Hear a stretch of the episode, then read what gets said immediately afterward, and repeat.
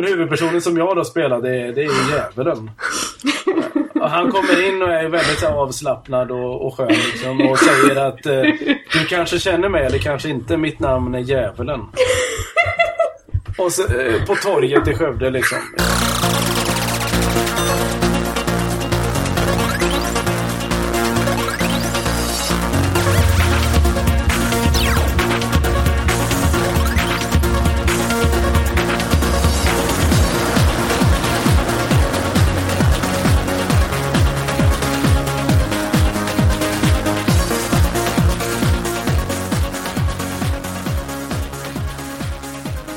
Välkommen till Thomas Dragans och Lisas podcast. Och vi finns på iTunes, mellansvartovitt.se och på podcast.nu. Och eh, vi har nu avsnitt 57 och vi är en podcast som pratar om tro, tvivel, samhällsfrågor och skepticism blandat med aktuella händelser och musik i en personlig anda. Och mellan svart och vitt heter vi alltså. Och vi som är med idag, det är Thomas. Dragan. Och Lisa. Yes. Med fördröjning som vanligt. ja, och eh, om ni undrar varför Dragan låter pissigt den här veckan så är det för att han inte orkade ta med sig en eh, mikrofon upp till Vimmerby. Um, ja. Jag hade annat får man säga som så. jag kan fortfarande vara med och det ska du vara glad för tycker jag. Ja, det är vi glada för. Vi får in en liten lite ateism i den här, det här extremt religiösa avsnittet. Ja, för mm. vad, vad, skulle podcasten vara utan Dragan? Det, det, skulle ju vara, det skulle vara ett, eh, jag vet inte, eh, onsdagsbön i eh, kapellet. En förening för inbördes beundran. Ja, precis. Ja. Det, ska... det skulle vara härligt, Thomas. ja. Nej. Nej. Bara två som vill se måste lyssna på det. Ja. Nej. Ja, Aftonbladet kunde ju visa en lite intressant eh, bild i skyarna. Och det är ju liksom, vad var det jag sa? Precis. Dragan har ju hela tiden hävdat att eh, den kristna gudsbilden är att Gud är en gubbe på ett moln med skägg och sådär. Och eh, i, eh, jag lägger ut en länk till det också eh, på en, en bild där man kan ana en bild av, ett, av en gubbe bland molnen helt enkelt. Jag är lite besviken över att titeln inte var Dragan hade rätt. På den mm. annonsen. Ja. Den här gången heller. Nej, precis. Nej. Jag säger som en av kommentarerna under artikeln där att det ser ut som Obama. Så jag tänker att om det här stämmer nu, Dragan, då är det Obama som är Gud. Mm. Uh, ja, eller så är det en bra, uh, vad ska man säga, jämvikt mellan att Obama var ju djävulen i den här serien Bibeln och nu är han Gud. Så att uh, nu är han helt enkelt normaliserat. Han, ha, han hatat över kan man säga. Men, men det, det kanske var så, det synkade sig rätt bra med Obamas Sverigebesök. Ja. Så hans jordiska kropp och hans himmelska kropp kanske var i Sverige samtidigt. Lite som Batman-symbolen kanske. Mm. Så det kanske var ett himmelskt möte mellan moln-Obama och moln-Reinfeldt också. Mm. Ja. Jag vet inte. Vem vet, vem vet? Mm. Vem vet? Vidare till kyrkovalet nu. Jajamän. Eh, vem, vem ska ni rösta på? Ja, eh, jag tror jag kommer att rösta på något sånt här partipolitiskt eh, oberoende alternativ. Och det finns något som heter påsk, eh, tror jag. Får du berätta lite om vad, vad betyder det? Jag tror de, att det betyder politiskt obundna i Svenska kyrkan. Och eh, där är det ju lite så att jag tittar på just eh, de personerna som företräder de olika grupperna i, i min församling här nere i Lund. Då. Och eh, det lutar väl åt dem. Och jag känner ju är ju bekant med några av de personerna som, som är där och som jag kan känna förtroende för och sådär. Jag är lite, jag vet inte, jag, magkänslan eh, som jag har är att jag tycker rätt illa om det här med, med partier, eh, alltså politiska partier i kyrkan. Det kanske finns ett jättebra argument för det hela, men bara rent spontant så tycker jag att, ja, att det är de som, de som går och är verksamma i kyrkan som också på något sätt bör bör liksom sitta och fatta beslut. Ja, jag fick hem en, ja. jag fick hem en liten eh, rek reklam eh, från SD om kyrkovalet. Och de jag, jag blev lite illa berörd med tanke på att de börjar med medmänsklighet mm. i, i, liksom, i den här. Och det, det, det, fick man lite, jag tyckte det var provocerande helt enkelt. Men nu är det väl så här Dragan att du får inte rösta? Nej, så är det. För att du inte är med i Svenska kyrkan? rösta. Och hade jag fått rösta Mm. så hade det nog troligen blivit sossarna. Mm. Eller Piratpartiet. Men Jag, jag vill inte rösta på något parti heller för jag är också emot att partipolitik in i kyrkan. Men eh, här hos mig så finns det inte något oberoende parti. Så det är liksom bara att välja ett av partierna för, för att det är också viktigt att rösta. För att eh, visa liksom att man då röstar på andra partier än SD. Så jag håller på att välja mellan två här. för att på Lidingö finns det bara borgerligt alternativ. Det finns sossarna också. Okej, ja. Miljöpartiet finns också. Okej. Eh, och så finns det Folkpartiet, Moderaterna, Centern. Eh, ja, nej jag vet inte. Jag håller på att välja mellan två. Men. Dragan, nu i och med att du inte är med i Svenska kyrkan så, så gynnar du egentligen eh, Sverigedemokraterna då, lite grann. Eftersom du inte kan lägga... Så du menar att jag ska gå med i Svenska kyrkan bara för att inte gynna dem? Ja, precis. Nej, det tar också emot faktiskt. Ja, okej. Ja. Eh, Får jag säga. Det känns inte som, eh, som någonting som känns rätt för mig De göra. tar ju inte över landet genom att få ja, något mandat i kyrkofullmäktige här. Nej, Nej. så är det ju som tur är. Och de brukar inte vara sådär jätteduktiga på att gå på möten och sånt där också, har jag förstått. Så att, eh, nåväl. Men de ska inte in där ändå. Så att man, det är viktigt att rösta om man kan. Men nu sänds väl det här efter eh, röstningen. Det Så kanske det är väl onödigt att jag sitter och moraliserar över det. Men det är ju viktigt ändå. Ja, precis. Mm. Ehm, jo, en sak till. Jag har ju berättat om, eh, om hur mitt liv förändras lite här. Jag hade ju mitt flyttstök. Eh, som jag har berättat lite om innan. Ehm, och nu är det faktiskt så här att jag eh, slutar på mitt jobb. Eh, tänkte jag säga. jag har ju jobbat som säljare och marknadschef på ett IT-företag eh, nu de senaste sju och ett halvt åren. Och eh, vi lägger ner Malmökontoret där jag jobbar och eh, flyttar upp det till Göteborg, vilket innebär att jag kommer att få göra någonting annat. Eh, så att eh, vi får se vad det blir helt enkelt. Just nu så vet jag inte vad framtiden har i sitt sköte. Men att jag ska vara föräldraledig här eh, lite senare i höst. Men eh, annars så får vi se vad det blir. Jag är ju väldigt intresserad av IT och marknadsföring och den typen av bitar. Så att eh, om ni tycker jag verkar vara en skön snubbe så att eh, ta gärna kontakt med mig. Helt enkelt. Ja. Vi gör reklam för oss själva i den här podcasten Ja men om man har en egen podcast, lägger ner massor med jobb Ja. då får man väl... Nej, men vänta, vänta. För Jag sa det som i positiv Ja, bemärkelse. alltså. ja precis. Nej, Vi gör så, reklam för oss. Jag gör ju massor med reklam för min musik till exempel. just det, ja. Precis. Ja. Jag vill gärna vara med i Let's Ja, Du Ja. skrev på Twitter idag att någon hade kallat dig för kändis. I vilket sammanhang var det? Ja, min svåger Per Ahlbrandt. Ja. Han är ju hockeyspelare, ibland med i Tre Kronor. Riktigt bra. Men när han var på sitt sponsormöte sist, då hade tre personer kommit fram till honom och frågat Är du släkt med Lisa Ahlbrandt från Twitter? Wow. Känd från Twitter. och då sa de till honom, då sa de till honom, hon är nämligen lite kändis på Twitter. Då tänkte jag direkt, kändis, det här är vägen att bli kändis och då få vara med i Let's Dance, som är mitt livsmål. Alltså, Vad sa du? Där har du Lisa. Hur många följare? 301. Hur mycket? 300, 301. Ja, det räcker nog inte riktigt för att vara kändis på Twitter tror jag. Nej, men hon, eh, ja, hon får rätt mycket retweets på sina ordvitsar. Eh, Så att, Har du, har du en bra ratio? Följ, följer du mer än vad du följs eller tvärtom? Jag följer fler och jag har bara 300 följare. Men ändå tre oberoende. Så frågade jag, du släkt med Lisa Ahlbrand? Då tänkte jag det är i alla fall ett litet steg på vägen mot Let's Dance. Så ge Thomas ett jobb och ring mig Let's Dance. ja, precis. Och, Och lyssna eh, på Dragans skivor. och köp Dragans skiva när den kommer.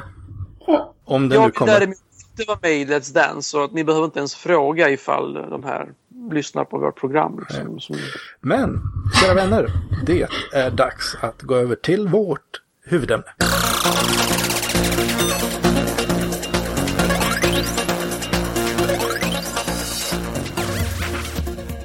Veckans gäst är Karl-Henrik Jaktlund, som är författare, föreläsare och journalist och tillika ledarskribent på tidningen Dagen.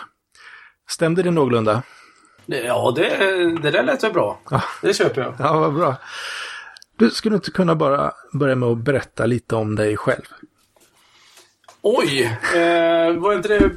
Gjorde inte du precis det? Ja, men... eh, Okej, okay, lite mer eh, vid sidan om det. Ja. Jag är eh, 37 år. Jag är gift med en fru och tillsammans har vi tre söner.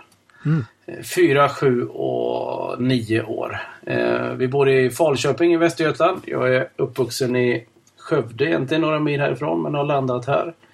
Eh, har en eh, bakgrund som eh, pastor inom pingströrelsen. Jobbade i fem år som ungdomspastor innan jag sålde dem och blev journalist.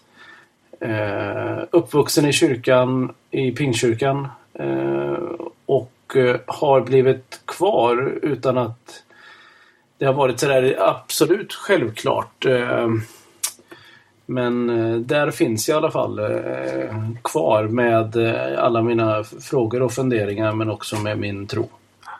Ungefär så. Eh, hade du tänkt att bli pastor under din uppväxt? Var det någonting som du såg låg framför dig?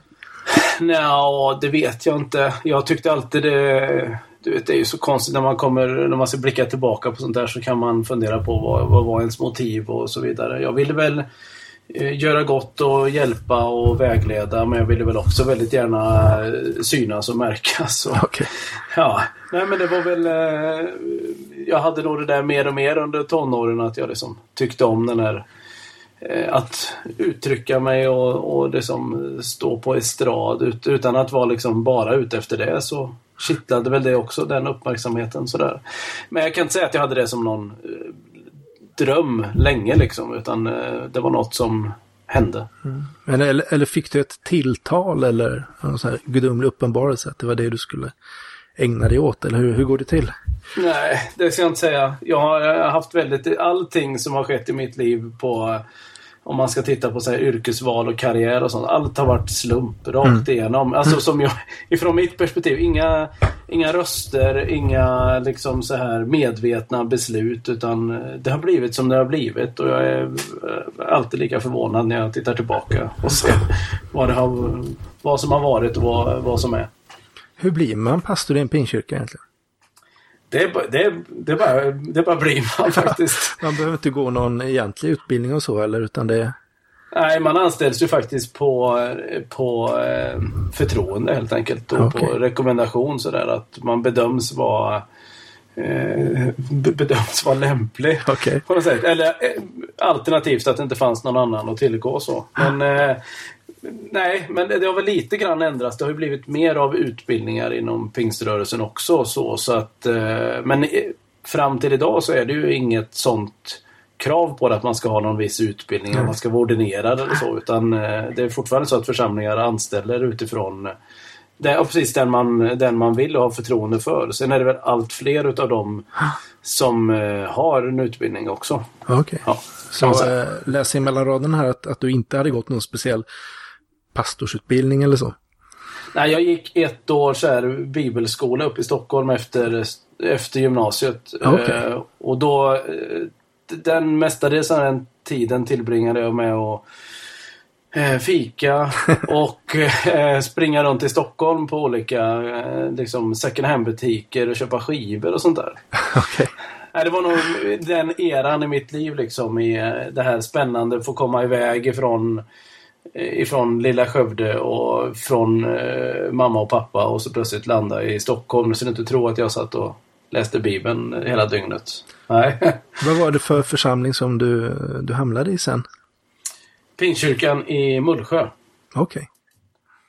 eh, Som är känd som eh, församlingen som ligger utanför Nyhemsveckan. Ja, det, det blir väl det. Så, det skulle de inte säga själva men. Men hur var det att komma från liksom Stockholm, alla second hand-butiker och eh, bibelskolan till att komma till en liten antar jag, eller medelstor pingstförsamling? Ja, det är ju, ganska- det är ju så här konstigt ju. För det är ju... Församlingen är, är ju på sådär, eller vad då, då? 650 medlemmar och sånt där. Fast det bor ju bara 5000 i samhället liksom. Oj då, det är en jätteförsamling.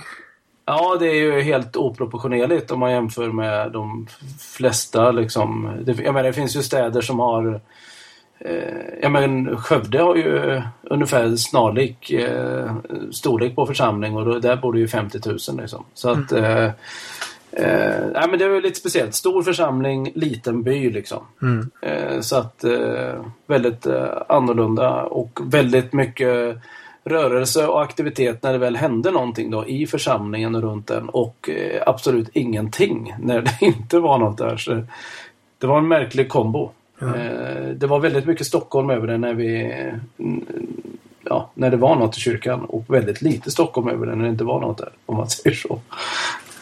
Men eh, som sagt, idag är du ju journalist. Hur, eh, hur blev det så att, att du slutade vara pastor och blev journalist istället? Ja, tillfälligheter som alltid. Ja. ja, det, är ju, det är ju en stor omväxling om man säger som så. Ja, det är det ju på sätt och vis. Jag tyckte ju aldrig att det var så där jättestort egentligen. I, alltså så här var det att när jag slutade då så kom det en journalist från Jönköpingsposten där och gjorde en lite så här, ja, Mullsjösidan där och gjorde en liten intervju med mig. Och då eh, blev jag lite nyfiken på eh, henne. Jag tyckte det verkade roligt att eh, ställa frågor och grejer. Så jag frågade vad, hur hon hade utbildat sig.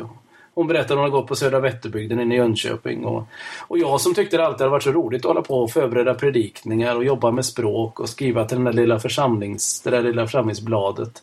Tänkte att det kanske man kan göra något år. Jag var lite trött och sliten och visste inte riktigt om jag ville fortsätta jobba i församling. Liksom. Så jag sökte, kom in, fick praktikplats på dagen och ja, så är det. Och där är du fortfarande? Där är jag fortfarande. Det är, Ja. tio, eh, det är tio år sedan nu. Okej, det är så pass ja. Ehm, Vi kanske kan nämna någonting om dagen för de lyssnare som inte känner till den eh, tidningen. Ja, vem? Är det jag som ska... det tycker jag. Dagen är ju en, eh, en tidning som grundades av eh, pingströrelsen, av Levi Petrus. Eh, pingströrelsens starke man som startade Kristdemokraterna bland annat. Och LP-stiftelsen och så vidare. Flera, en väldigt entreprenör. Han startade den kristna dagstidningen Dagen också. Och eh, den var länge liksom pingströrelsens husorgan kan man väl säga. Men i slutet på 90-talet så breddades den väldigt tydligt eh, både i ägande och inriktning, så här, profil och blev mer ekumenisk. Så nu kan man väl säga att den är ju frikyrklig i, i liksom sitt ägande så men eh, är intresserad utav kristenheten eh, brett och samhället brett och skriver egentligen om frågor som i den skärningspunkten allra helst då, kyrka och samhälle liksom. Mm. Två kommentarer där bara att LP-stiftelsen är ju då pingströrelsens arbete med missbrukare och ekumenisk är ju allkristen då, att det är, att det är olika kyrkor som, som samarbetar. Hur är det? Alltså jag, jag tycker, eh, är dagen en objektiv tidning eller ska man säga? Jag tycker ibland att eh, dagen får en del spott och spe bland icke-troende då som tycker att ja men här är typiskt en sån där artikel från här kristen tidning så här som inte är liksom, ja, som är vinklad och så. Mhm. Ja, ja, men vad ska man säga om det? Alltså, jag tror ju på det först, för det första väldigt lite på liksom, objektiv journalistik på det sättet. Det finns ju inte på det sättet. Det tar ju alltid vägen genom skribenten och redaktionen och liksom tidningens inriktning. Vi är ju en nischtidning som handlar om just de här frågorna.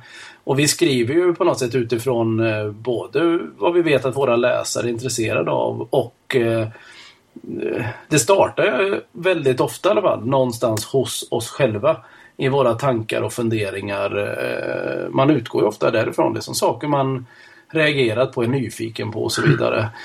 Ehm, och Om man så, säger som så här, förlåt att jag stör, men du, du, eh, Thomas frågade om det var en objektiv tidning. Objektivt i förhållande till vad då? Tänker du på då?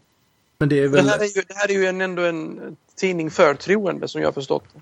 när man väl gör reportage och så vidare så som journalist så, så vill man ju vad ska säga, beskriva saker så korrekt som möjligt och inte vara liksom en propagandamaskin. Om du förstår absolut. Absolut. Och, där är ju, och då kommer vi in på lite andra begrepp egentligen. För det är det man ofta brukar prata om som objektiv. På något sätt i bemärkelsen att man inte har eh, att man inte har någon åsikt själv nästan. Så har ju man ibland pratat om journalister. De har inga egna tankar och åsikter. Och det, det stämmer ju inte. Däremot så Eh, om man lägger bort det som just objektiv som, som tanke och förklaring så kan man ju tänka på andra ord. Till exempel att det ska vara liksom eh, relevant att båda sidor i en diskussion, om det finns flera sidor, då, ska komma, få komma fram med sina bästa argument. Alltså att man inte liksom vinklar det hårt och eh, eh, jag menar, man väljer att lyfta upp den där personen som man själv håller med högt eh, i det och så bara kommer den andra personen lite pliktskyldigt eh, i slutet. Om den nu alls får vara med liksom. Så vill inte vi jobba och så tycker inte jag att vi jobbar någonting heller utan vi, vi är hederliga på det eh, och försöker vara korrekta liksom journalistiskt eh, där och inte liksom försöka ha någon sån här propaganda på det sättet. Eh, det har vi ju givetvis på ledarplats, att vi liksom driver en linje och eh, för tidningens eh, talan. Men det försöker vi inte göra på nyhetsplats. Eh, även om valet av nyheter och texter naturligtvis speglar vår nisch och vår, vårt driv. Liksom. Mm. Eh, nu när du är inne på det här med vad man tar in i tidningen. Mm. så jag har ju eh, funderat på det ifall du tycker att du måste kompromissa med dina egna övertygelser ibland för att ta in debattartiklar och för att ta in artiklar som speglar det som eh, vissa personer inom pingst eller frikyrkligheten tänker. Eh, har du svårt med att veta vad, vad du ska välja och ta in och hur hanterar du det? Ja, Okej, okay. eh, ja Eh, det kan ju ibland vara en utmaning så, men eh, om man ser debatten så måste man ju... Men det kan man inte sitta som någon eh, gatekeeper och liksom här, här, kommer här får bara folk skriva som tycker eh, som jag eller väldigt likt mig. Liksom. Utan det måste man ju låta det vara högt i tak och låta folk eh, komma till tal. Annars blir det ju ingen debatt egentligen. Då är det ju mer att ja, då är det ju egentligen bara jag som skriver fast mm. andra får skriva lite ibland. Jag tycker att nu i och med det här att det har varit så debattartiklar kring att välsigna eller ta avstånd från homosexuella. Ja, så här, då har det blivit lite debatt på Twitter och sådär angående detta. Om det var rätt att ta in vissa artiklar eller inte. Och Precis. då har du ju svarat att det är en balansgång. Ja. Och det är det ju, det är ju inte helt enkelt. Alltså det, folk läser ju den där väldigt olika. Det var ju en inledningsvis där som en del tyckte var väldigt homofobisk. Och jag tyckte inte det. Jag förstår att man kan tycka att den är problematisk. Eh, men att det där faller ner på liksom... Vilken var det så att vi vet vad du pratar om? Det var den för... Ja, just det. Det var en, eh, ett inlägg, det första inlägget som eh, ifrågasatte Niklas Pihensos bibelstudium på Nyhem och vad han egentligen hade sagt där kring detta att välsigna människor och han hade då gett ett exempel kring Pridefestivalen. Så, eh, och då startade det en debatt då. Vad skrev han om det? Oh, jag minns ju inte. Alltså jag sitter inte och läser Nej. den. Men, men Dragan, jag vet inte, Dragan, jag vet inte om du har hängt med i den debatten, men det, det är ju så här, Niklas Pienso är ju då pastor i den största frikyrkoförsamlingen, eller pingstförsamlingen i alla fall, i Sverige. Eh, Philadelphia kyrkan i Stockholm och han höll ett seminarium då på Nyhem som är en stor kristen sommarkonferens just om det här att, ja egentligen att eh, vi som kristna borde välsigna eh, då bland annat eh, homosexuella. Och det fick ju då, det var ju då de som sen, eh, ja, tyckte att han eh, inte hade fört riktigt rätt linje, eller vad man nu ska säga. Så att det kom ju då in debattartiklar till dagen som, som då hade en annan åsikt. Och sen så blev det ju det där lite fram och tillbaka. Och kritiken har ju då varit att, ja, men varför tar man in de här som, som då, eh, ja, som då hade en annan åsikt som man kunde uppfatta som homofobisk då. Ja, och det är det där som är, för då, eh, alltså grejen där är ju att man, man argumenterar ju utifrån, resonerar utifrån olika bibelsammanhang då. Och det kan man ju tycka är både fel och eh, ja, märkligt liksom. Men det är inte apart aparta åsikter, det är inte aparta eh, tolkningar liksom, utan de där har legat ganska eh, ja, det är ju liksom långt ifrån eh, en unik åsikt kring det. Och då tycker jag nog att det är bättre. Sen kan vi inte ha den debatten hela tiden och eh, det har kommit in en väldig massa mängd artiklar i det ämnet som inte har blivit publicerade heller. Men jag tror att det är bättre att ibland lyfta upp de där eh, ämnena och låta då det bli debatt så att de som tycker att den där bibelsynen är problematisk, felaktig, förlegad eller hur är det, får svara på det. Eh, och ta den debatten istället. För jag tror inte att den eh, tanken och åsikten liksom eh, försvinner eh, bara för att vi inte publicerar ett eh, debattinlägg. Om man nu vill att den ska försvinna då. Eh, om man sitter på den sidan liksom, så tror inte jag att det är vägen framåt. En annan fråga här, du har ju varit på dagen nu i tio år. Mm. Hur har tidningen förändrats under de tio åren skulle du säga? Den har ju blivit mycket bättre.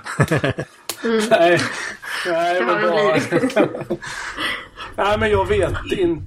Det tror jag faktiskt att den har blivit. Att vi mm. försöker ju vässa den liksom så. Och, och bli både lite modigare och varmare och sådär. Men eh, egentligen är väl den största skillnaden även om man då är det väl 15 år tillbaka i tiden. När, ny, när den gick över till att bli nya dagen under en period då när det kom in nya ägare. Daniel Gran började som chefredaktör. kom in mycket nya på redaktionen. Man gjorde om tidningen. Liksom, så. Eh, och sen har vi försökt eh, förändra den allt eftersom. Jag tycker att vi är mindre eh, kyrkointerna idag. Jag tycker vi väljer bättre. En del interna debatter och samtal och sådär behövs men eh, vi fastnar inte i dem på samma sätt. Eh, jag tycker vi har en... Eh, jag tycker vi gör en bättre journalistisk produkt om man ska se i detta att att liksom släppa fram olika sidor och inte liksom vara rädda för att släppa fram de där rösterna som vi tror kan provocera våra läsare en del och så. Det gillar jag. Mm. Vad har ni för läsare med det som läser dagen? Åh, det är väl eh, det är svårt att säga. Det är väl som väldigt mycket om man tittar på liksom eh, de som prenumererar på papperstidningen så är det väl en eh, alltför eh, ålderstigen skala. Äldre personer alltså? Ja, det är det ju. Men det är det ju egentligen överallt. Vad man än tittar nu för tiden. Eh, så är det ju mycket... Men det finns ju på nätet också. Ja visst. Och så det är inte bara äldre. Men det är därför det är svårare att veta riktigt och säga precis hur, hur läsaren är. Jag tycker vi har en väldigt bred eh, läsekrets vad det verkar. Både i eh, ålder och eh, från olika sammanhang. Säkert en betoning på liksom frikyrkomänniskor som antingen är aktiva eller som har en bakgrund där. Men inte bara eh, människor därifrån utan folk som är intresserade och nyfikna på de här frågorna. Nej, men de som eh, liksom har pappersprenumerationen, de är nog... Eh, jag har ingen sån där eh, snittålder, men jag tror att, de ligger, att det ligger en bit över... Eh, en bra bit över 50 i alla fall i, i snitt sådär. Men det tror jag är Falköpings Tidning, där jag bor, tror jag har eh, i stort sett exakt samma. Så att... Eh... Okej. Okay. Sa... Eh, Thomas, och, Thomas och Lisa, läser ni Dagen? Alltså jag prenumererar inte. Däremot så eh, mina både mina föräldrar och svärföräldrar prenumererar ju på papperstidningen.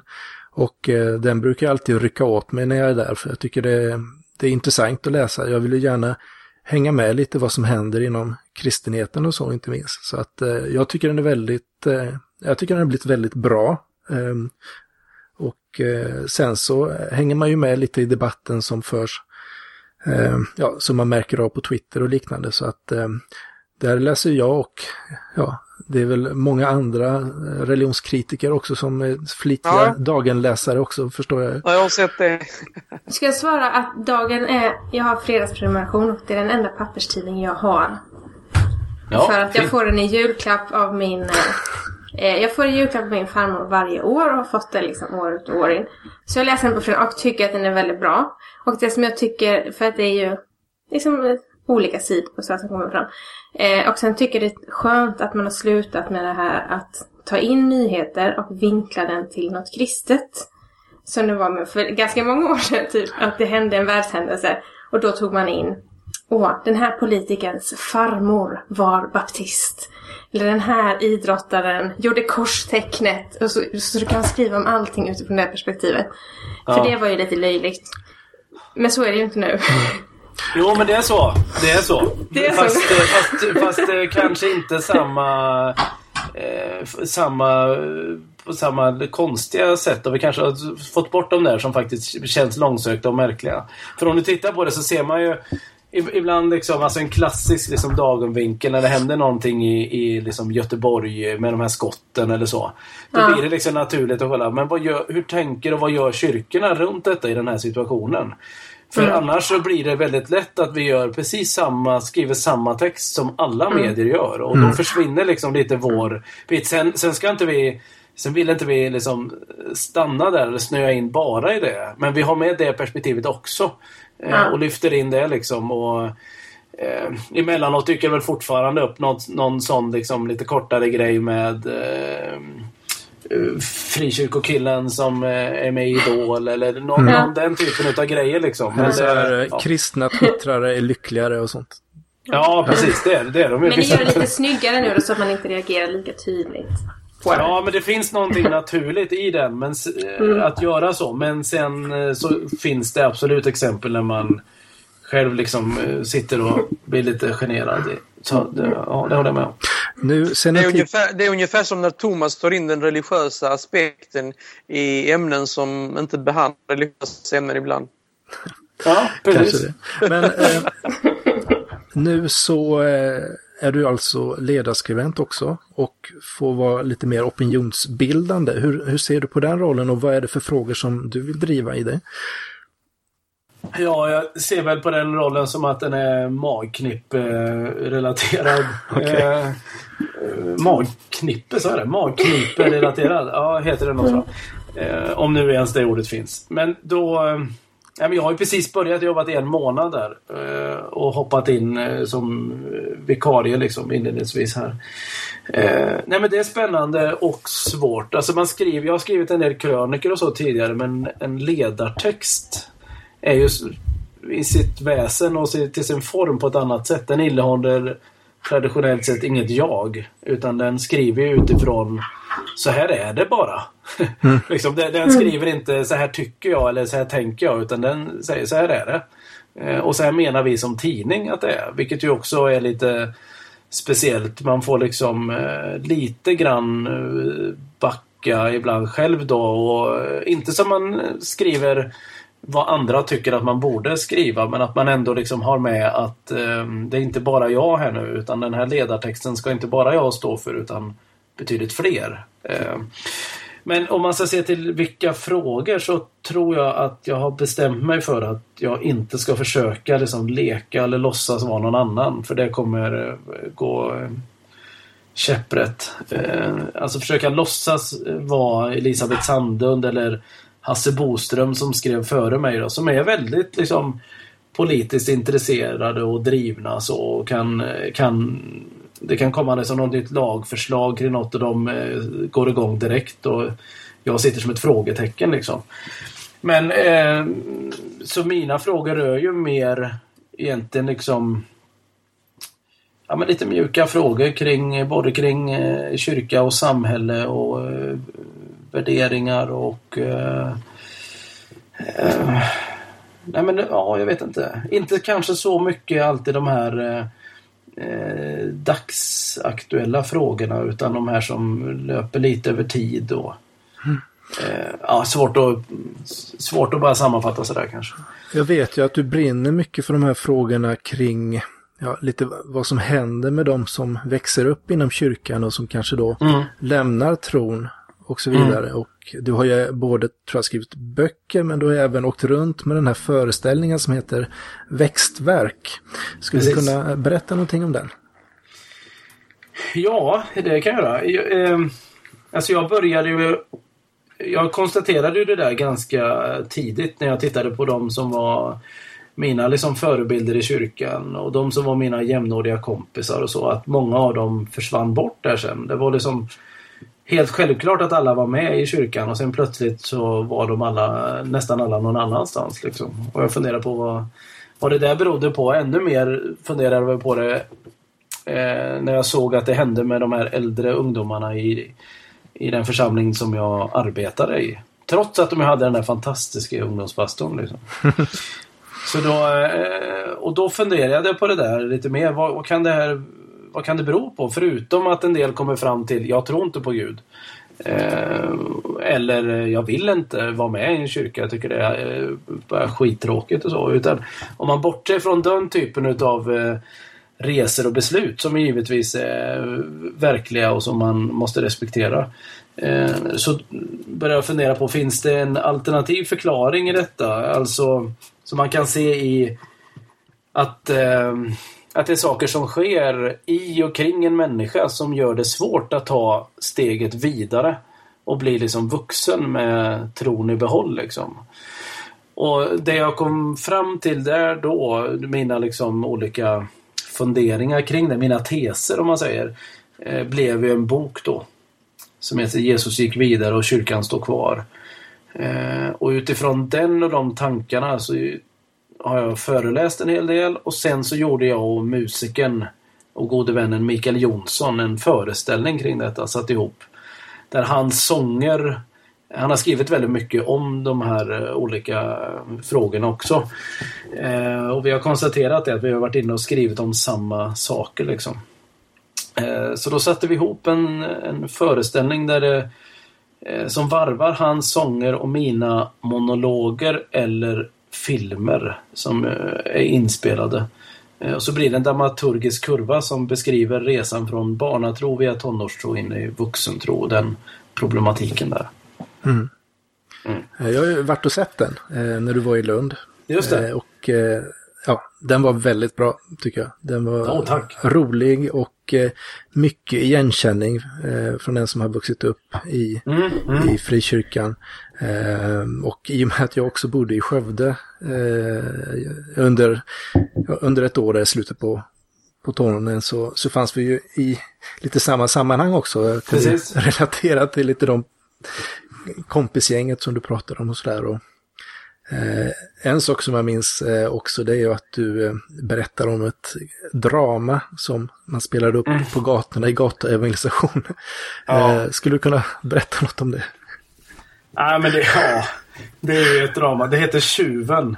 Eh, och var ju kanske inte liksom jag vet inte vad man säger. Inte, kanske inte nyanserat i, sin, i, i sitt väsen. Var kommer den ifrån ens? Jag funderar på det. Den kommer, vad jag, mig veterligen, jag, jag fick den ifrån en, eh, en missionsorganisation som heter, eh, vad är det? Är det Ungdom med uppgift?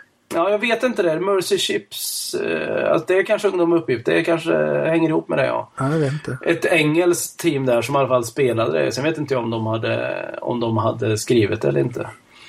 Eh, men det går ut på egentligen att, att uh, huvudpersonen då som är, bara det här är ju väldigt speciellt. Men huvudpersonen som jag då spelar det, det är ju djävulen.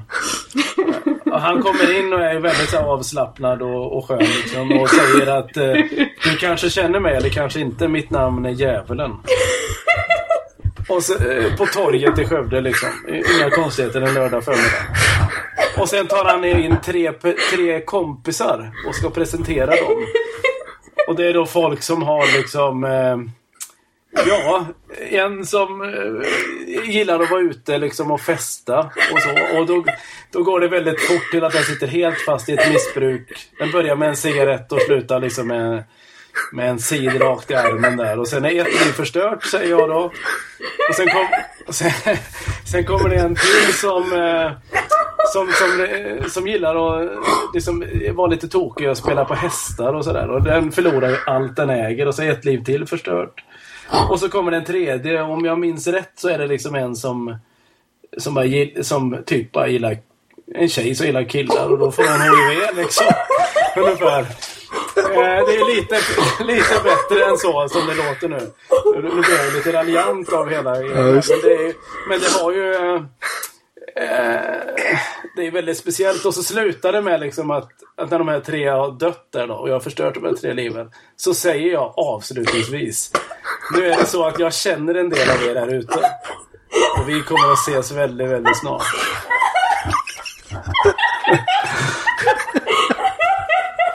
Ja, det roliga är att jag har ju sett den live. Och du tyckte att det var starkt då, eller hur? Ja, jag vet inte. Jag vet, jag vet inte om de i Skogsrokyrkan också körde den. Kan, kan det ha varit så? Ingen aning. Det gick säkert på export i Skövdes alla Ja, precis. kyrkor där. Men jag menar, församlingen där gick ju också någon typ av bönevandring kring något sånt här nyöppnat Qigong-center och sånt där. Eh, Gjorde man det? Ja, vilket är också helt sjukt så här efterhand. Liksom. Alltså de, Ja, de måste ha blivit jätterädda inne på det Qigong-centret eller Tai Chi-stället när det, när det går en massa så halvt tungotalande liksom, personer. Men var det i någon slags Jeriko-tanke? Ja, att det skulle rasa typ? Eller? Ja, okej. Nej, då var jag inte med det kan jag säga. Nej, Och jag var ju mest liksom i det där dramat liksom. Det var ju mest, liksom, jag tyckte det var väldigt kul som sagt med drama och de här bitarna. Och, eh, sen kan det väl finnas liksom bitar i det där dramat som eh, kan vara värt att reflektera över på, i någon mån liksom då.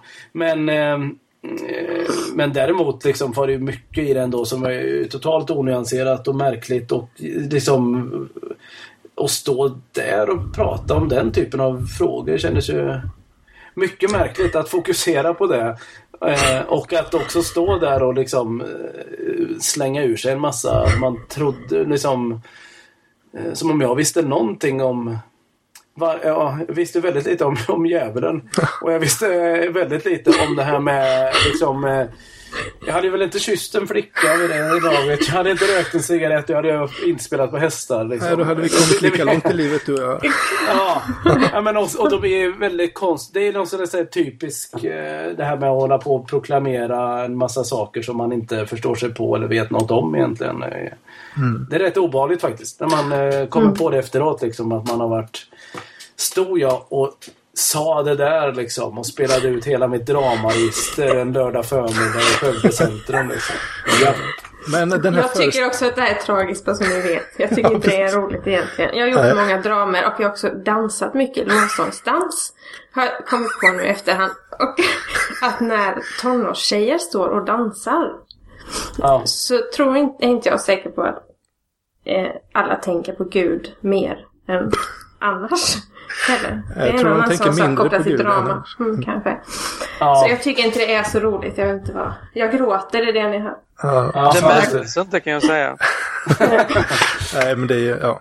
Men hur är det, ehm, kör du den här föreställningen mer eller är den slutkörd? Ja, vi körde den, vi körde den 21 gånger på ett år. Eh, Det är ju faktiskt ganska mycket eh, om man ska tänka på att man har ett liv vid sidan om.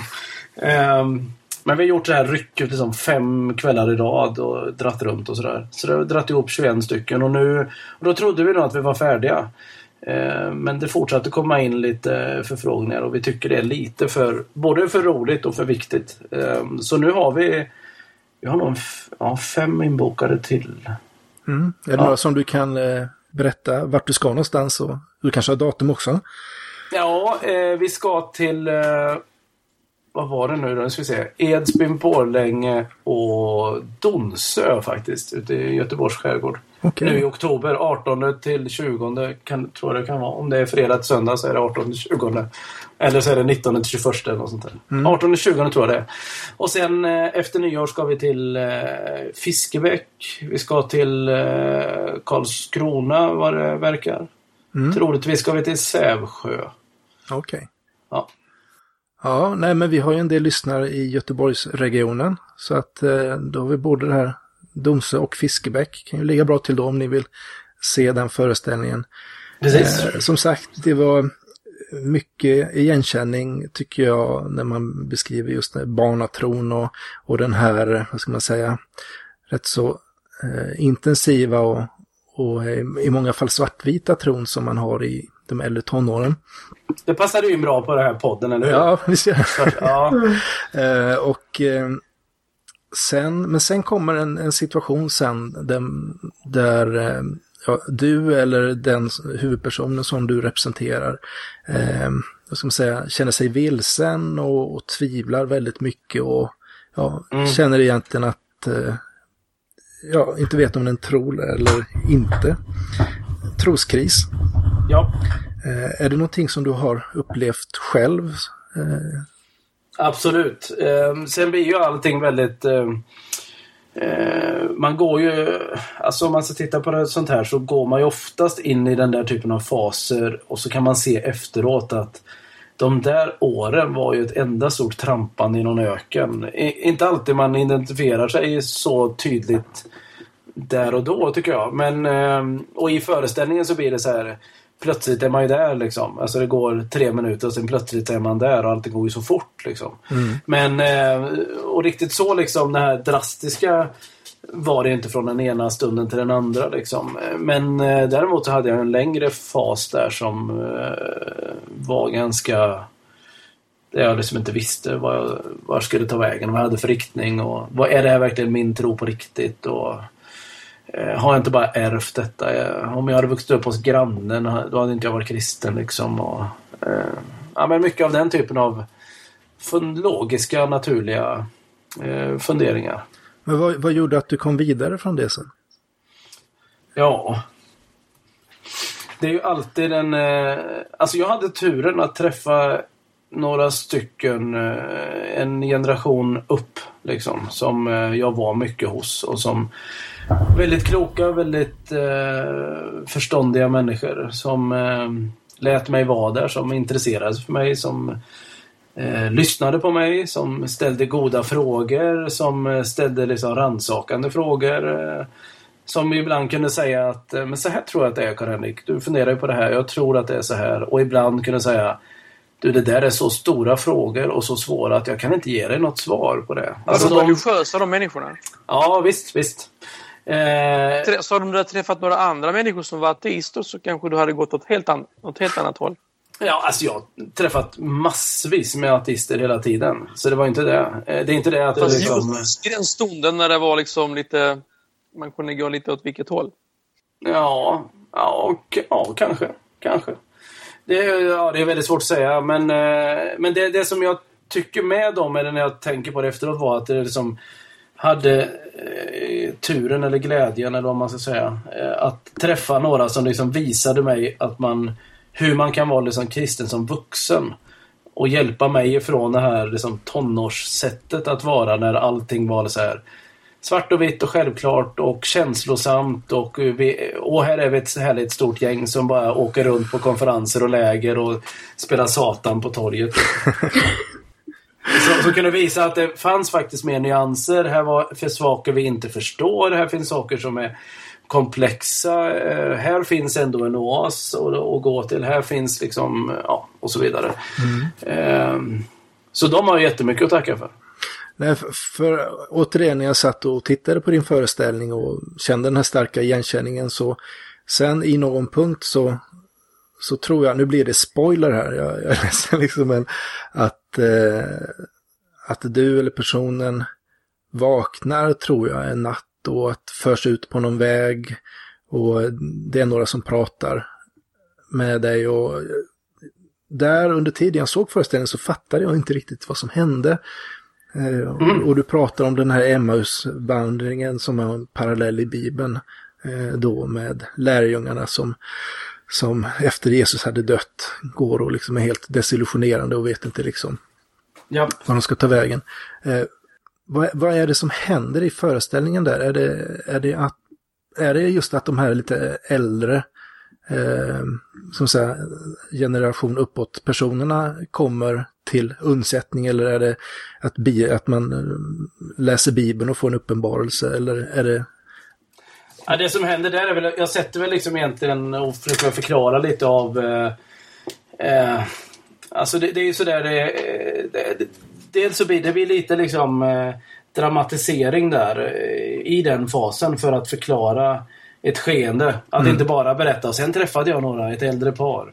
Eh, här, utan eh, det var ju dels dem och, eh, och sen var det ju att jag hittade den där bibelberättelsen om Emmausvandrarna. Mm. Och det är det som händer där egentligen att jag liksom eh, mitt i detta när jag har konstaterat i föreställningen att jag eh, är vilse, eh, inte vet var jag ska ta vägen. Allt känns hopplöst och svårt. Det känns som att Jesus är död eh, och borta för mig liksom. Och, och då eh, då fastnar jag i den, där, i den här bibelberättelsen om Emmausvandrarna som ju hade det just precis så. Eh, och det blir min, på något sätt, väg vidare lite grann då. Både genom den berättelsen men också genom att jag mötte de här som eh, som faktiskt lev, var väldigt mycket så. Ehm, eh, och hjälpte mig liksom se det där då. Eh, mm. Så det blir egentligen att jag går in på den där Emmausvägen tillsammans med dem och har någon slags dialog med dem där. Det är tanken. Och den här Emmausvägen, det var en väg, tror jag, där några lärjungar vandrade och där de då får sällskap där de går och eh, är missmodiga. Och det kommer en person som ställer frågor till dem och pratar med dem och sen eh, mm. så småningom så visar det att, att, det att det var faktiskt en uppstånden Jesus som hade gått med dem och eh, ja. Precis.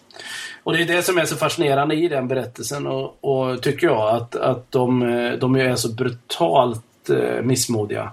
Och de är så brutalt ärliga med det mitt i det där. Va? Och, eh, ja, och så kommer Jesus där och låter dem vara just sådana. Han kommer och ställer frågor istället för att tillrättavisa dem. Liksom. Eh, så att de får verkligen vara sådär vilse och eh, liksom oroliga kring det. Det är helt okej okay, liksom. Eh, ja. För jag kan ju känna för egen del, jag kan ju känna mig väldigt eh, vilsen och eh, att min tro försvinner. Men jag känner väl inte att det har kommit eh, några äldre eh, sådana som jag har kunnat, eh, nej men som har ryckt upp mig eller, eller att de har äh. något annat. Det är, det är snarare, jag vill säga sveskep som eh, rycker ner mig. Um, mm.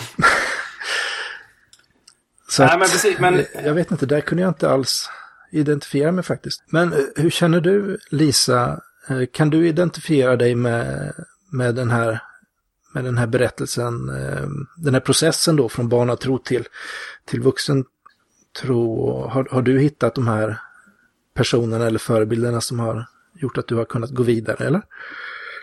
Så jag har aldrig haft en sådär självklar eller eh, tro som jag inte har ifrågasatt. För jag ifrågasatte Bibeln och det man hörde och läste jättemycket redan när jag var liten. Jag, jag minns en natt när jag var 11 år.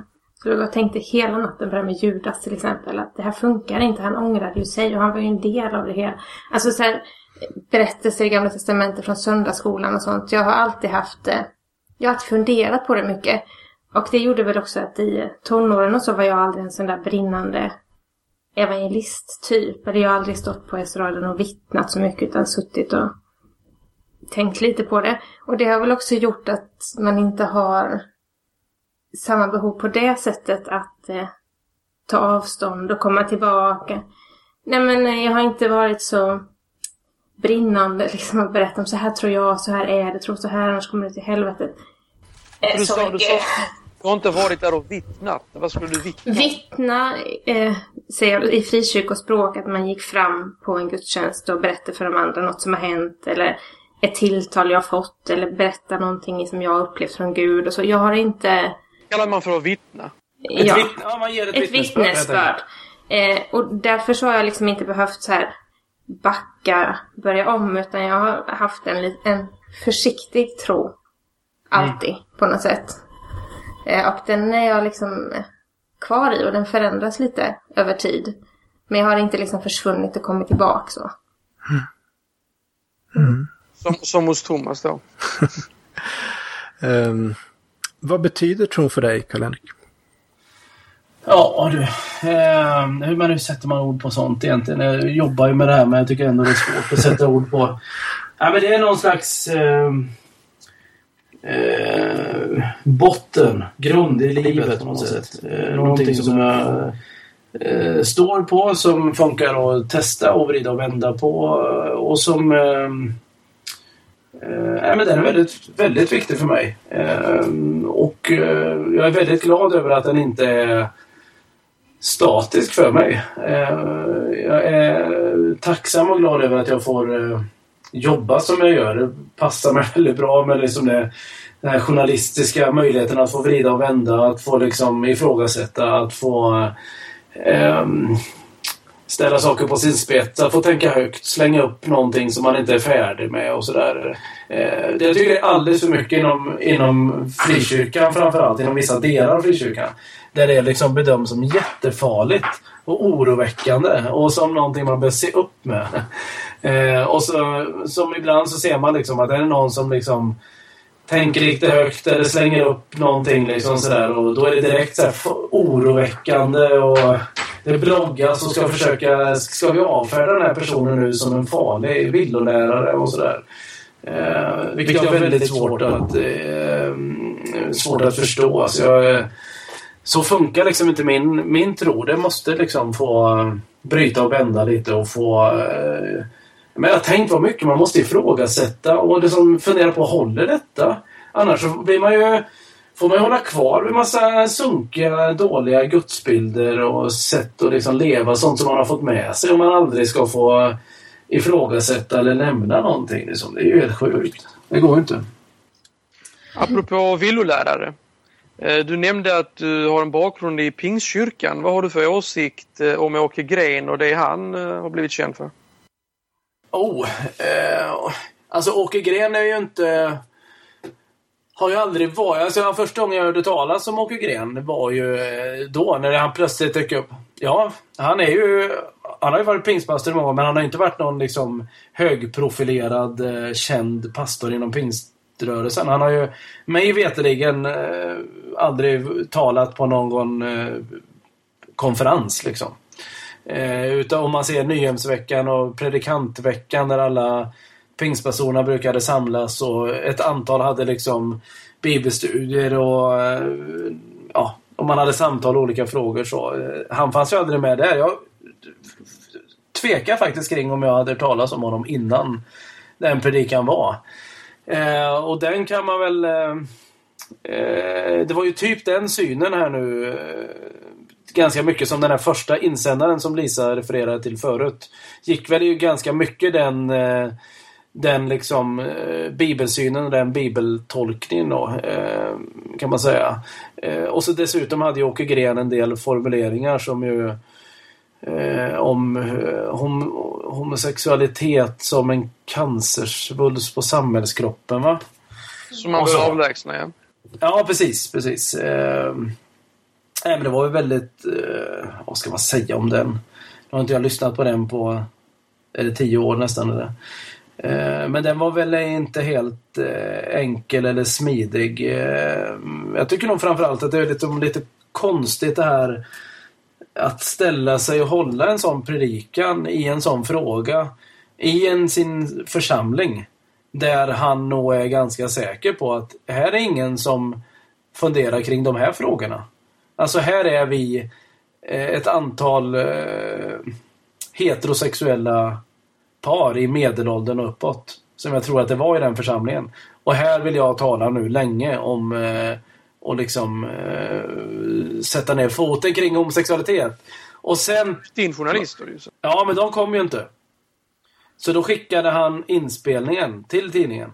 Ja, det var så det gick till. Ja, visst. Så att han, han ville verkligen få ut detta. Och det får man väl liksom... Ja, det har jag missat faktiskt. Det får man väl respektera, liksom, att, att människor har ett driv. Och jag, alltså rent, det var väl många där pastorer inom eh, pingst som eh, man kan ha åsikter om det där men som ändå liksom står upp för hans rätt att få uttrycka den här synen då. Eh, och eh, när det blev tal om att han skulle bli bli fälld för detta då eller liksom få ett fängelsestraff då som, eh, som tyckte att det, det var ju det mycket av frågan handlade om. Inte är hans, delar vi den här synen på homosexualitet liksom?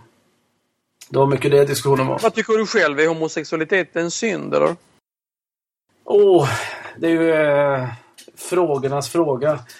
Alltså jag, ja, men jag är på resa inom den alltså. Eh, och jag tror att man måste låta en sån fråga ta lite tid. Är, vad är, alltså, svar även om du är på resa? Vad är ja, ditt svar jag, även om du är på resa så att säga? Jag kommer dit. Jag, eh, alltså, jag är uppvuxen i ett sammanhang där det, det pratades ju inte speciellt mycket om homosexualitet för det var självklart. Eh, hur det, hur det, vad man såg, eh, hur man såg på det liksom. Eh, jag minns inga speciellt eh, liksom, jag minns inga Åke Gren-predikningar om man säger så.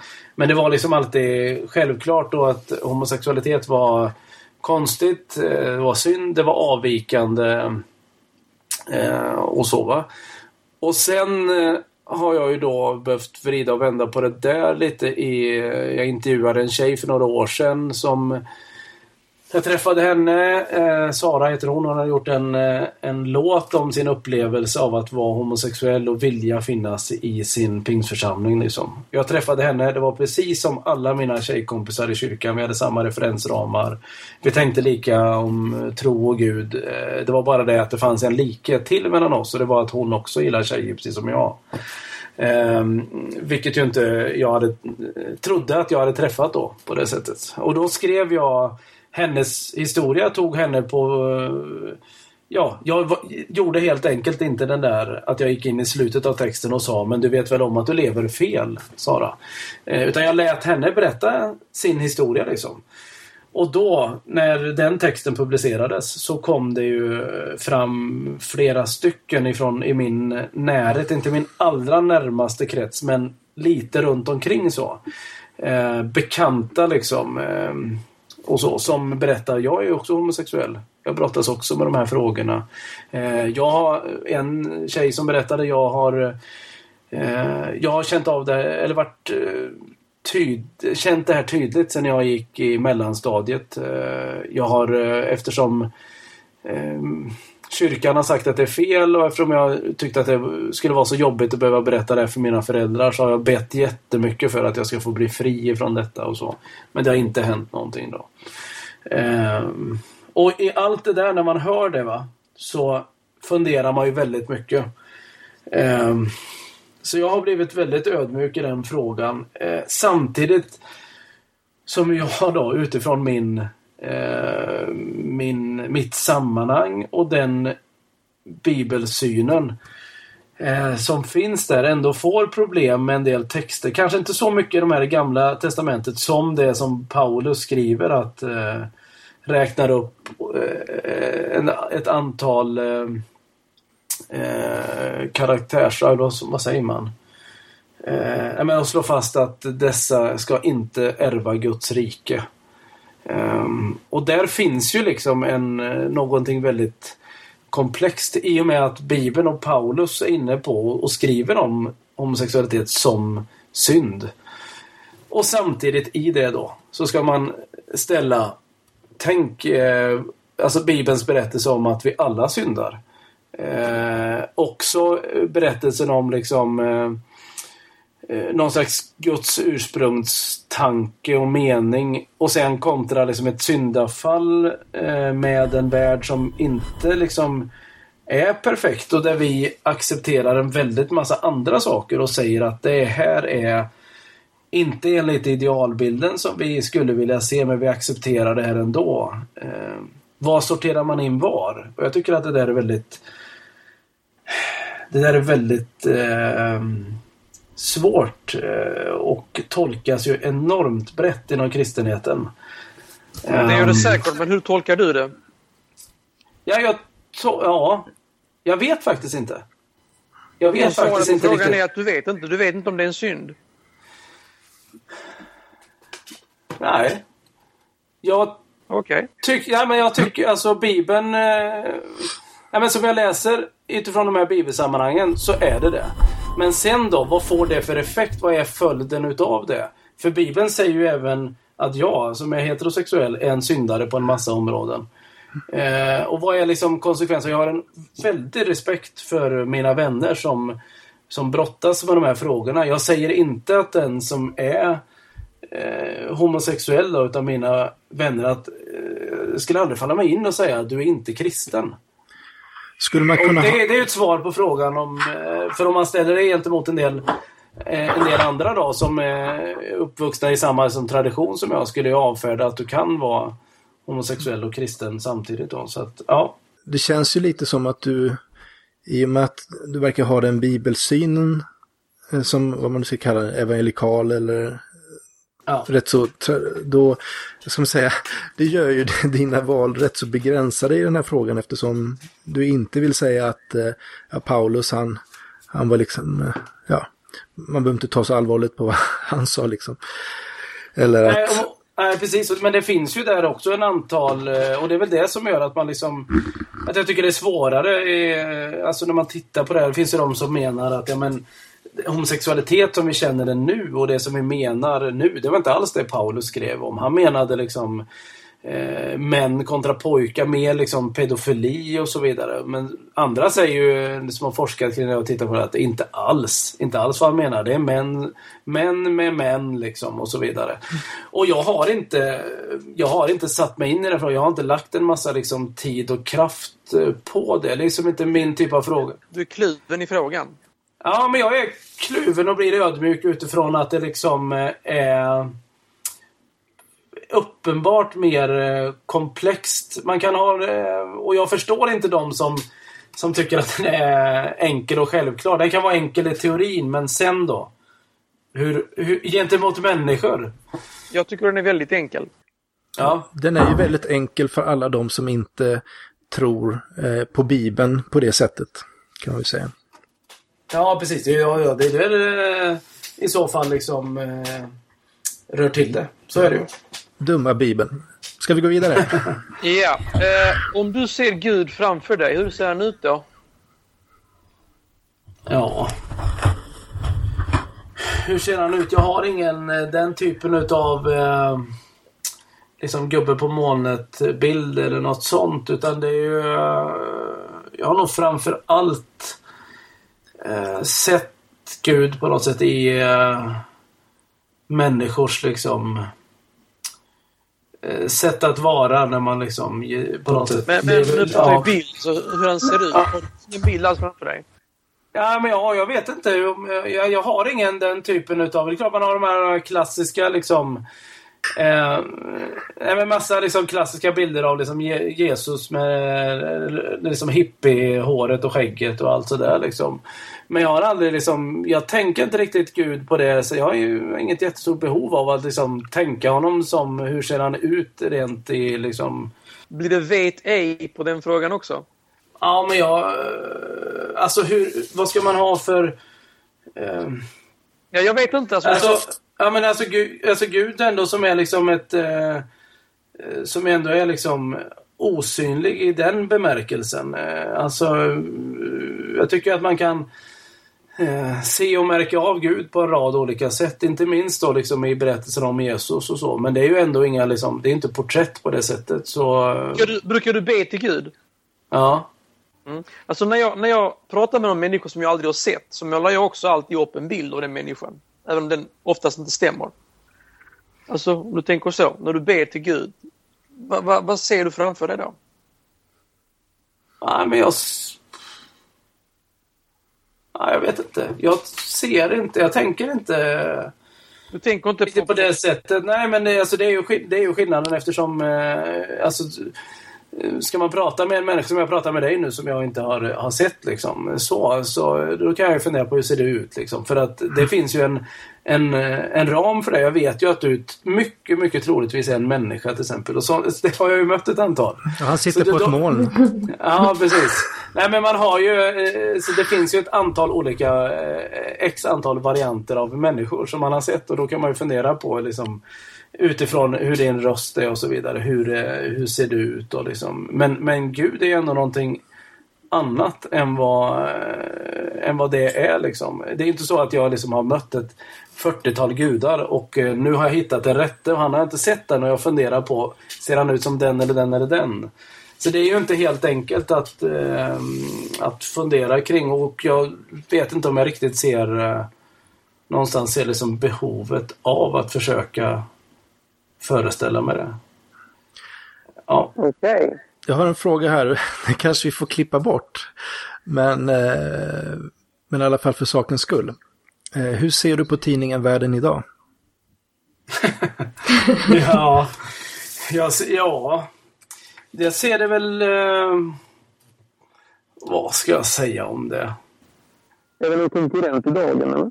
Ja, precis. Det är vår, eh, det är väl vår konkurrent som man säger som är Eh, någonstans kanske så, lite mer som dagen var förr. Tror jag många brukar säga. Jag läser inte världen idag jättemycket, ska Tänk, jag säga. Tänker du då när dagen var Levi Petrus eh, propagandamaskin?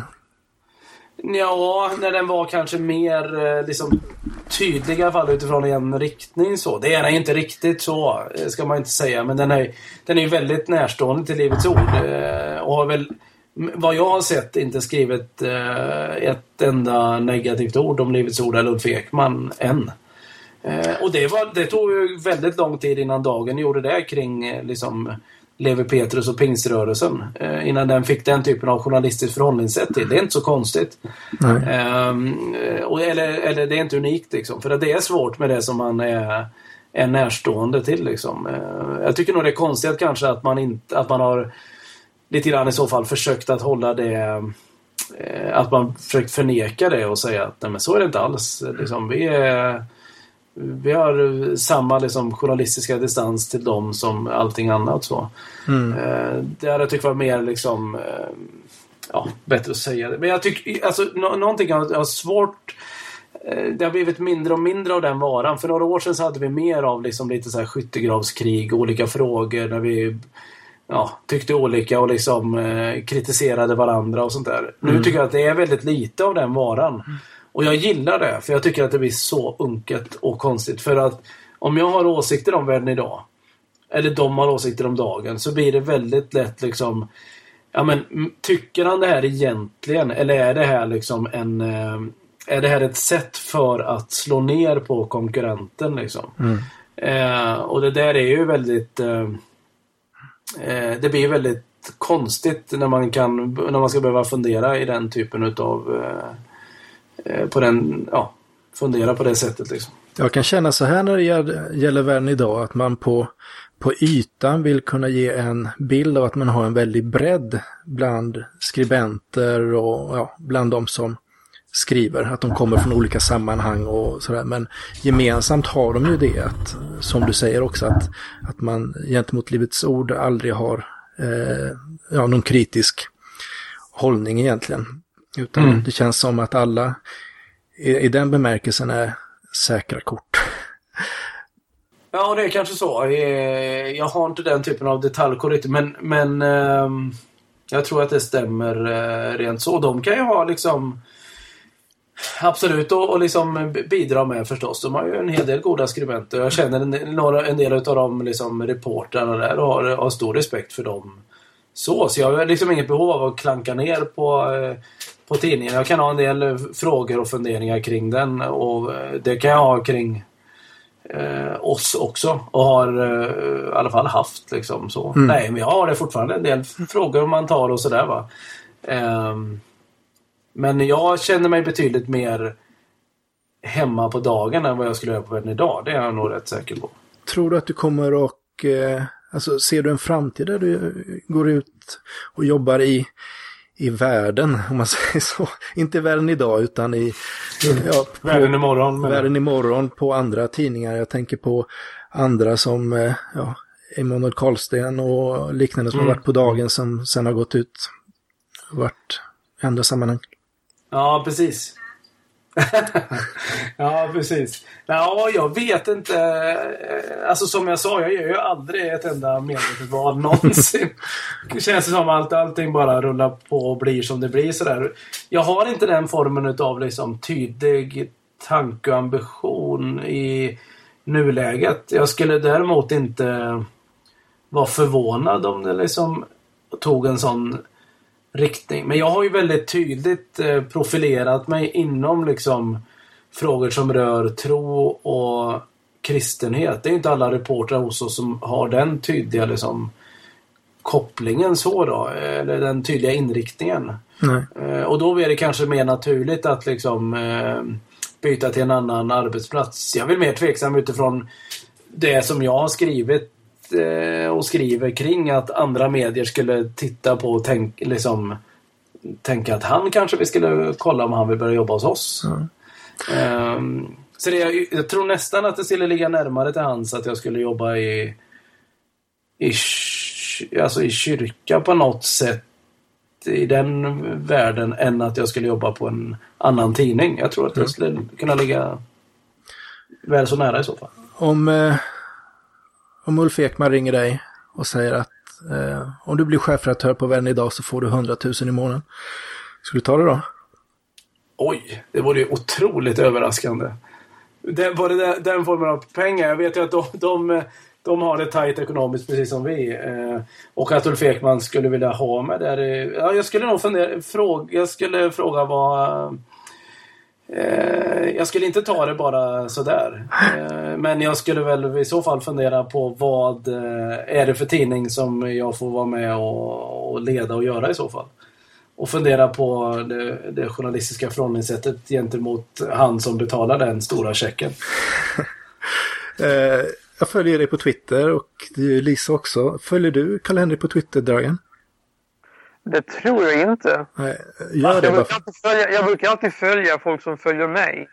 Ja, precis. Jaha, Men, ja, men då, eh, det får vi ordna då. Följer du mig Karl-Henrik så följer jag tillbaka. Ja, det är fint. Det är fint. Eh, jag, eh, nej, men jag tycker det är väldigt intressant att följa dig och de diskussioner du har med, med, ja, med religionskritiker och icke-troende och liknande. Ja. Eh, vad, och du är ju rätt aktiv på Twitter. Vad, ja, vad, vad, vad ger det dig eller vad, vad, tycker du om, vad tycker du om alla de här kontakterna? Ja, men, jag tycker det är både lärorikt och intressant eh, och nyttigt. Det är så lätt att fastna liksom i eh, att man bara vill diskutera med och samtala med de som tycker som en själv. Liksom. Eh, vilket ju är ganska... Ja, men det kan vara kittlande ibland, men det är också ganska... Du vaknar treåringen va? Jag sitter här alltså en meter från en sovande treåring som hittills har varit sovande. Ja, du hade också en sovande treåring bredvid dig. Ja, Har, har alla, sitter alla inne hos sina, på sina barn? Inte jag. Nej, okej. Jag sitter bredvid en sovande åttaåring. Hon var vaken länge innan, men nu har hon somnat. ja nej, men nu lugnar jag ner sig här så att... Eh, Ja, vad fint. Berätta. Jo, men, eh, jo, men och det, alltså, jag tycker att... Jag, tycker, eh, jag har svårt för två former av diskussioner. Eller jag har svårt för en form av diskussion på två olika sätt. Och det är att diskutera med folk som är tvärsäkra. Och de finns på båda kanter. Både liksom på den kristna kanten, det som många skulle kalla kristna högerkanten, vilket ju är otroligt svepande och märkligt. Eh, eh, ett begrepp som funkar betydligt bättre i USA än vad det funkar i Sverige, för vi har inte riktigt den typen av referensramar här. Men i alla fall på, på liksom Eh, det är som kristna som vet precis hur allting är och det är liksom inget att diskutera ungefär. Eh, och å andra sidan så finns det ju religionskritiker som är där också. Eh, som är väldigt färdiga i sin övertygelse och som vet precis hur allting är. Och jag, kan, jag har gärna respekt för båda de sidorna men jag är inte intresserad. Eh, Då måste du älska agnostiker då alltså. Ja, nej men jag älskar alla oss som känner oss lite vilse ibland. Och som inte vet hur, hur allting är och som, eh, eh, som är nyfikna och intresserade. Och en del av de vilsna eh, lite oroshjärtarna finns liksom och säger att ja, men jag är nog kristen ändå. Och en del säger nej det är jag inte. Eh, men jag är ju ändå lite lite nyfiken och tycker det är intressant att prata. Inte för att jag vill debattera ner eller debattera upp, utan bara för att jag behöver samtala. Jag behöver lyssna in vad andra tänker, andras resor och så vidare. De människorna är jag intresserade av, oavsett om de är kristna eller inte. Förstår ni vad jag menar? Ja, Ja, bra. det gör vi i det här programmet. Fint.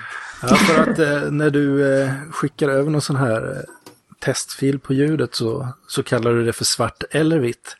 Eh, det var ju alldeles fel, Ja, för programmet heter ju mellan svart och vitt. Så vi, Ja. vi försöker ju föra det här samtalet någonstans däremellan, även om Vi försöker vara så gråa som möjligt. Ja, det är fint. alla utom du då. Ja, jag har blivit anklagad för att vara väldigt svartvit ibland. Men även Thomas och Lisa har sina stunder de också. Absolut, det är ju så det är. Eh, jag tror kanske vi har nått slutet för den här lilla intervjun och samtalet. Yes. Kul att vi fick prata med dig och eh, vi ses på, på nätet. Ja. Om inte annars. Ja, och som sagt, eh, kolla gärna upp eh, de här föreställningarna på Växtverk om ni vill träffa eller se Karl-Henrik. Som sagt, Göteborgsområdet åtminstone kommer han att finnas i den närmsta tiden. Så att eh, vi tackar så mycket. Tack! Tack så mycket! Tack. Hej. Tack. Hej. Hej.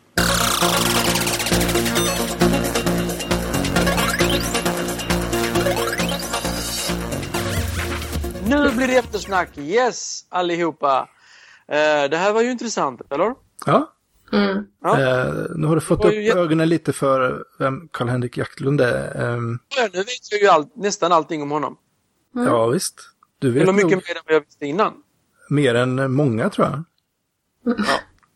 Eh, och får vi se om han följer mig på Twitter, det vet man aldrig.